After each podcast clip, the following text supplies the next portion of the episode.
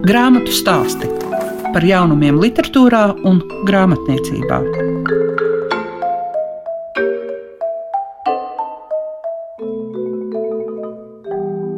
Savu skanējumu sāk grāmatu stāstu pirmo reizi šajā gadā, un jūs varēsiet uzzināt par brīnišķīgo operas pasauli, kā arī iepazīt baltvāciešus Elze von Kampenhausena Elzas un Rudolfa stāsts atmiņas no vecās vidzemes. Tā sauc šī grāmata, kas ļaus mums to izdarīt.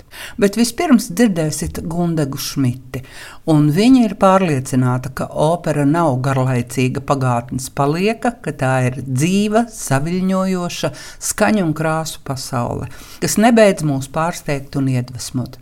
Tā ir izglītojoša grāmata, bet lai vairāk stāsta Gundega pati. Grāmatu stāsti programmā Klasika. Gunde, kā tu nonāci pie domas, ka vajag stāstus par operām? Man jāatzīstās, ka es pati neesmu šīs grāmatas idejas autore. Faktiski šis darbs ir Jāņa Rozes apgāda pasūtījums, un idejas autors ir Renāta Punka, apgādes direktore un redaktore Inga Karlsberga. Jo gadiem ilgi apgādā jau tiek atbalstīta izglītojošā literatūra, kurā ir uzsvers uz mākslu un mūziku, un, un šis ir likumsakarīgs turpinājums šai līnijai iespēju. Tādēļ es esmu ārkārtīgi pateicīga pirmkārt par šo lielisko ideju, pagodināta, ka es tiku izvēlēta par šīs idejas iemiesotāju līdzās manai brīnišķīgajai kolēģei, līdzautorei Artai Ozolai Jaunarājai, dēļ kuras šī grāmata arī ir tik ārkārtīgi koša un uh, bagātīga. Nu, tāda tiešām operas grāmata. Kādas ir pašai tev attiecības ar operām? Ārkārtīgi sarežģītas. Jo no vienas puses opera man eh, ir tāds žanrs, ko es arī tik labi zinu jau no agras bērnības. Mana vecmāmiņa bija tā, kas ģimenes pasākumus bieži rīkoja operā. Viņa nopirka mums visiem biļetes, un mēs gājām un baudījām operu vai baletu, un tikai pēc tam gājām uz restorānu. Tā, tā bija tā ģimenes tradīcija, un tas tika uzskatīts par tādu nopietnu notikumu. Jā, opera man arī ir saistīta ar manas māsas darbošanos, kora koncertmeistars pienākumos 20 gadu garumā, kad arī caur viņas pirkstiem trenējoties mājās šīs partitūras. Nu, es iepazinu un iejutos šajā operas procesā un nemitīgajā pirmatskaņojumu gatavošanās gaitās. Protams, kaut kādā brīdī es sāku domāt, ka es kā komponiste arī vēlos radīt operu. Un faktiski bija jau iecerē un bija jau tikšanās ar um, režisori. Mēs ar Māru Čimeli tur kaut ko sapņojām par sengrieķu mītiem un ar Kasparu Putniņu, bet toreiz tas tā kā drusciņi palika uz uh, daudz punktiem. Kaut kā sapratām, ka laikam neizdosies to realizēt vismaz tajā brīdī, tajā laikā. Varbūt pie tā vēl atgriezīsimies. Katrā ziņā es esmu sapratusi, ka es rakstītu kora operu, kur ir um, ne tik daudz galvenie solisti, bet koris kā tāds daudzgalvains darbonis. Varbūt tas ir saistīts ar to, ka man arī nav tik vienkāršas attiecības ar operas dziedāšanas stilu. Man patīk kaut kā tas tīrais, nevibrētais skanējums un uh, kora faktūra kā tāda. Tādu laikam es izjūtu savu operu. Un tās arī ir nu, tās, piemēram, laikmatīgās operas, kas mani visvairāk uzrunā. Bet, ja no klasiskajām operām, tad mani kaut kā visvairāk saista baroka operas, jo man liekas, ka tur kaut kā tieši tas ir operas tāds manieriskums, pat vārda labajā nozīmē, izpaužas kaut kā visorganiskāk. Un, un tā virtuozitāte un kaut kāda tā teatralitāte, viņi kaut kā tā organiski ar to baroka, vispār to stilistiku kaut kā sakļaujās. Es varbūt neesmu tik daudz romantisko operu cienītāji, bet jā, baroka operas un, un tieši vispilgtāk atceros mūsu operā uzvesto operu Alčīna, Hendeļa. Tas, laikam, ir mans mīļākais mūsu operas iestudējums, ko es esmu piedzīvojusi. Kāda bija tas princips izvēlēties no vispār vairāk nekā tūkstošu operām, 35, kas ir šajā grāmatā? Man liekas, ka ta, ta, tas bija viens no sarežģītākajiem uzdevumiem. Ne? Tas tiešām bija viens no sarežģītākajiem uzdevumiem. Jo nu, no vienas puses um, uzdevums nebija veidot nu, tādu apjomīgu vārnīcu vai enciklopēdiju. Tā nav enciklopēdija, tā tomēr ir tiešām operu izlase. Bet no otras puses, no, ar šo izlasi es gribēju pietiekami daudzveidīgi parādīt operas attīstības vēsturi caur šīm operām. No otras puses, gribējās arī izvēlēties tādus operas stāstus, kas būtu bērniem pieejami, draudzīgi. Caur iepazīšanu. Caur iepazīšanu, jā, tieši tā. Un, protams, ir tādas operas, nu, tā kā Beethovena Fidelio, kas it kā varētu šajā izlasē nebūt. Jo nu, Beethovens ir slavens ar savām brīnišķīgām klavieru sonātēm, simfonijām un koncertiem, bet nu, opera varbūt nu, nav tas viņa būtiskākais žanrs.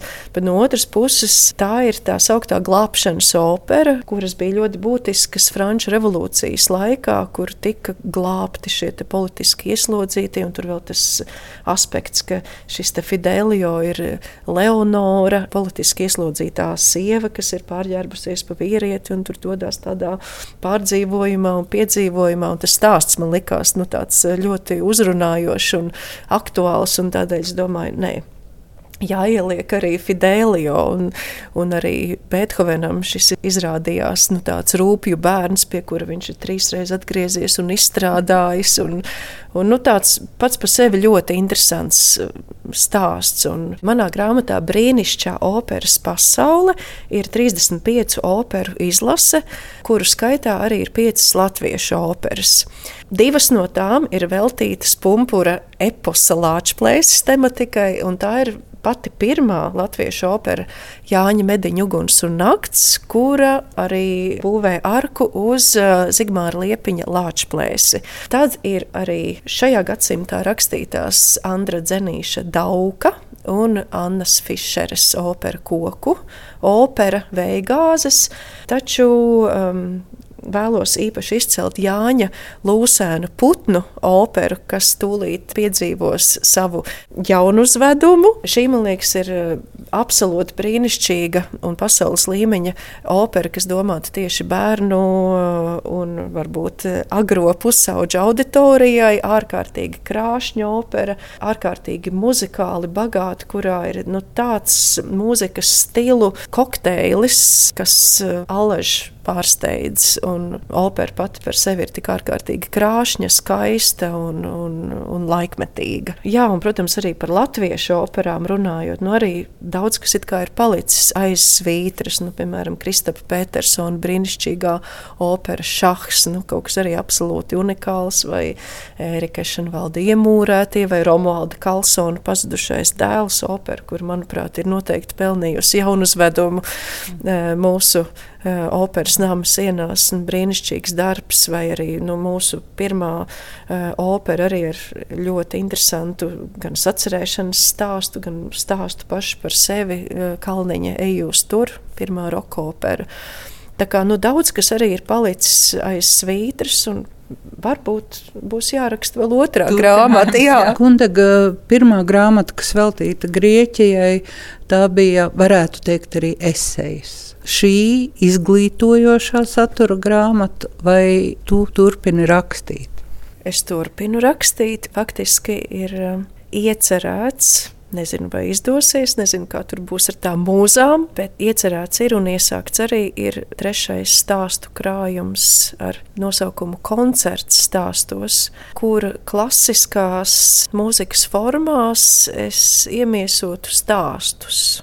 Tā kā stāsti, kas atbilst mūzikas formām, kur nu, arī apvienotos tā mana komponista pieredze un, un literatūras pieredze. Kas ir mūzikai un vārdam kopējs un atšķirīgs. Laikam sākšu ar atšķirīgo. Mūzika tomēr ir pietiekami abstrakta, un vārdā šī abstrakcija tomēr nav. Vārds ir tomēr pietiekami konkrēts, un ko līdz šis vārds izskan, katram cilvēkam tomēr tas asociējas ar kaut ko.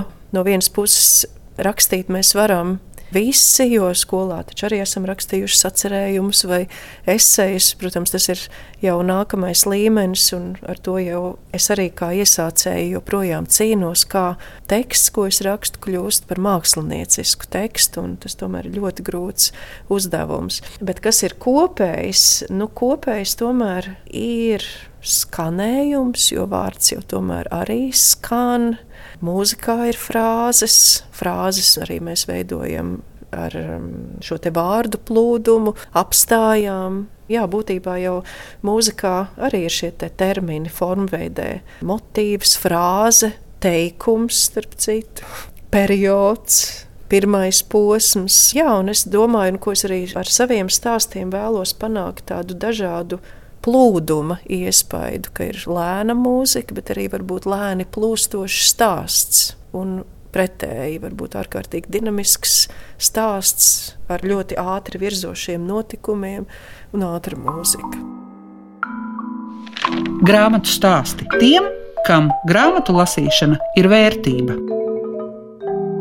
Indra Čekstera ir tā, kas ir sarūpējusi jaunu grāmatu, kas ir iznākusi apgādā Madris, Elzas von Kampenhausenes Elzas un Rudolfa stāsts. Bet uh, man gribētos sākt ar to, kas ir it kā mazākiem burtiem atmiņas no vecās vidzemes. Ar ko jums sākās šīs grāmatas tapšana?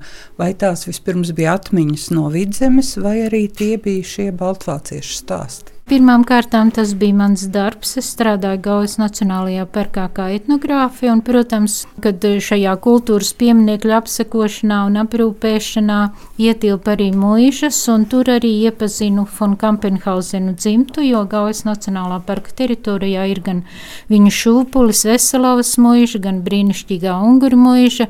Viņi ir dzīvojuši arī Turaidas mūžā un vēl citādākās mazās pusmuižās, Staubes mūžā, kura vairs neeksistē. Un tagad Siguldas novadā ietilpst arī Lēdurga, kur tieši dzīvoja Rudolfs un Elza pēc aprecēšanās. Cik gadu darbs tas ir? Ļoti grūti to pateikt, jo brīvkungs Aksels un Kampenhausens atsūtīja man šīs atmiņas. Es viņas iztūkoju, un tad viņas vienkārši gulēja plauktā kādu laiku. kādu laiku un izdevniecība matris, kur ir iznākušas divas manis tūkotās grāmatas Herbert von Blankenhagen atmiņas, bērnības atmiņas un pasaules vēstures malā, ar kurām mani arī iepazīstināja tieši Aksels Frīvkungs von Kampenhausens, pie viņa arī ciemojos. Nu, un tad, kad šīs grāmatas iznāca, tad viņš man atsūtīja Elsas atmiņas. Nu, tā kā kādi trīs gadi varētu būt. Un tad uh, vienkārši es arī sacīju izdevniecības vadītāji, ka man ir tāda iztūkota Elsas un Rudolfa atmiņu stāsts. Un Un viņi interesējās, un tad mēs saņēmām atļauju no Elzas pēctečiem, no mazmazdēla Jörna von Kampenhausena kurš ir ārsts, četru bērnu tēvs, viņš piekrīt, jā, ka izdod šīs atmiņas latviešu. Kas jums no šīm baltvāciešu atmiņām ir tāds, kas vairāk iespiedies atmiņā? Tā ir cilvēka dzīve. Jebkuram no viņiem ir dzīvē viss, Tāpat kā mums ikvienam, tā ir mūsu kopība, mūsu kopējā dzimtene, tās ir rūpes, mīlestība pret mūsu zemi, sirds pieķeršanās šai vietai. Es domāju, ka tas mūs visvairāk vieno, jo mūsu simbolika, mūsu izteicieni ļoti līdzīgi, kad tūkoju. Vai nav tā, ka mēs pārāk maz zinām par šiem baltāciešiem? Nu, jā, ir bijis šis noliekšanas laiks, un tad atkal ir citi notikumi. Es domāju, jā, mēs zinām pārāk maz, bet visa mūsu zeme ir saistīta ar viņiem, un tā ir viņu dzimtene. Es viņiem vienmēr, kad rakstu vēstules vai e-pastus, es rakstu dvēseli dzimtene. Tāda ir mums, un tāda ir viņiem Latvija. Kādiem cilvēkiem vajadzētu lasīt šo grāmatu? Jebkuram cilvēkam, kam interesē cilvēka dzīve, tam būs interesanti šī grāmata cilvēka liktenis, traģēdija spēja vislielākajās briesmās saglabāt cilvēcību. Mīlestība pret savu ģimeni, saviem bērniem, mazbērniem, tas viss tur ir. Un Elze brīnišķīgi tēlo to, un arī viņas vīrs Rudolfs uzrakstījis atmiņas. Kaut kas mums, latviešiem, nepatiks no viņa teiktā, bet mums ir jāprot nostāties arī otrā pusē un saklausīt viņu sāpes. Precīzi jau nevar nocitēt, bet skaidrs, ka šis Elzas eh, dzīves gājums ar visiem šiem pārdzīvojumiem kara laikā, viņš mūs ļoti sasaista ar mūsdienām un to, kas pašlaik notiek pasaulē, jo tas atkārtojās un šī kara briesmīgā seja ir lasām arī Elzas atmiņās. Grāmatu stāsti programmā Klasika. Fon Kampenhausena dzimta man bija pazīstama jau no maniem darba gadiem Gaujas Nacionālajā parkā.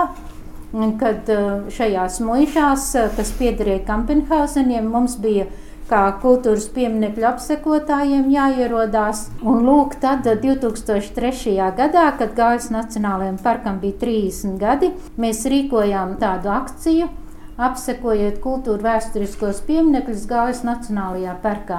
Un toreiz man atsaucās arī Veselās mūža, kas ir patiesībā Kampenhausena dzimta šūpulis, un ar kuru ir saistīta daudz interesantu atmiņu. Nu, pamazām tā saplūda kopā dažāda informācija, un Veselavā mēs rīkojam noslēgumu pasākumu tai akcijai, bet galvenais, ka veselavieši turpināja darbu pie savas mūžas, pie saviem materiāliem, Tad Zigfrīda von Fegezaka mātes Jenija atmiņas tika tulkotas tieši par Veselau, kā tur viss bija, kā tur viss izskatījās.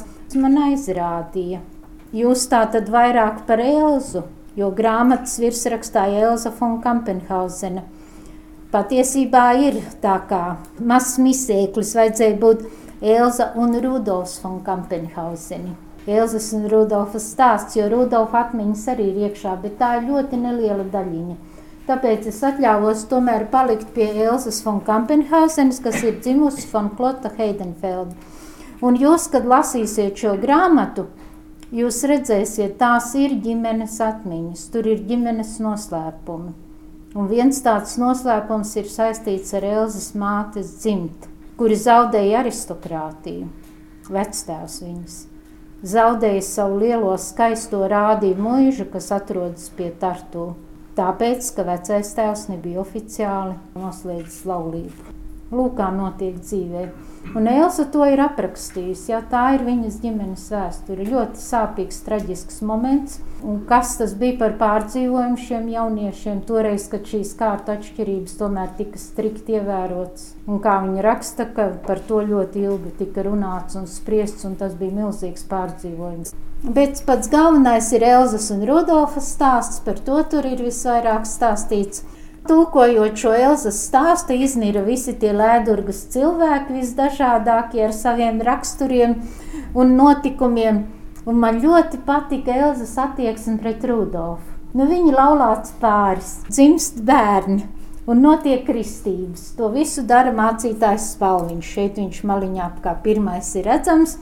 Un kā Elza raksta, Nu, Spāviņš nokrustīja arī Gerdu, tāpat kā pārējos mūsu bērnus. Viņš to nodarīja ātri, un pēc tam Rudolfs aizteicās uz medībām. Jo medības Rudolfam bija svarīgākā lieta dzīvē. Un tad, kad Elza spēlēja koncertā, ļoti atbildīgā, tur bija ziedojums bērniem, kas palikuši bez vecākiem. Tad bija uzklāts arī kafijas galds, un viņa raksta tā, nu viņa tur spēlē, viņa apraksta savu skaisto tērpu un kādus gabalus un ko dzied. Un tad tur ir tāda jauka piezīme, un tas, domāju, raksturoja sievas attieksmi pret savu dzīvesbriedu. Rudolfs bija tik ļoti uztraucies, ka viņš aizteicās un zāles galā sevi mierināja ar uzkožamajiem. Cita varbūt būtu aizvainojusies un visādi taisījusi visādus niķus, bet Elza vienkārši nu, viņš sevi mierina ar uzkožamiem, uztraucies par viņu. Un viņa atbalstīja Rudolfu visus centienus. Un tā, kad viņiem Lēdurgas muižā atsavināja, viņi dzīvoja Rīgā, Rudolfs strādāja Herdera institūtā un arī tūkoja. Un tādā saskaņā arī ritēja viņu mūžs. Un tad, kad tālāk nāk šī izceļošana, viss šis smagais periods, kad viņi dzīvo Vardgavā, tad kara beigas ar visām tām šausmām. Es, to vēlreiz jau grāmatu iznākusi, es viņu vēlreiz tā pārlasīju. Tas ir tas pats, kas Ukrainā visas tās pašas šausmas. Karam šī seja ir šausmīga. Lasot grāmatu, jūs uzzināsiet ļoti daudz par sadzīvi. Elsa kā sieviete, viņa tēlo daudz ko tādu, ko, piemēram, Herberts kā vīrietis netēloja, un arī citi kungi, kas raksta atmiņas. Viņa ļoti daudz raksta par bērniem, par audzināšanu, par sadzīvi, par ēst gatavošanu. Nu, visādas tādas lietas, kas mūs arī ļoti interesē. Tādā ziņā Elzas grāmata ir nedaudz atšķirīga. Izskan grāmatu stāsti. Šīs dienas raidījumā dzirdējāt par brīnišķīgo operas pasauli un par baltvāciešiem veltīto grāmatu Elzas von Kampenhausenes, Elzas un Rudolfa stāsts atmiņas no vecās vidzemes. Kopā ar jums bija Liega Piešiņa. Visu labu! Grāmatu stāsti par jaunumiem literatūrā un grāmatniecībā ik trešdienu, 9.5. ar atkārtojumu Svētdien, 18.15.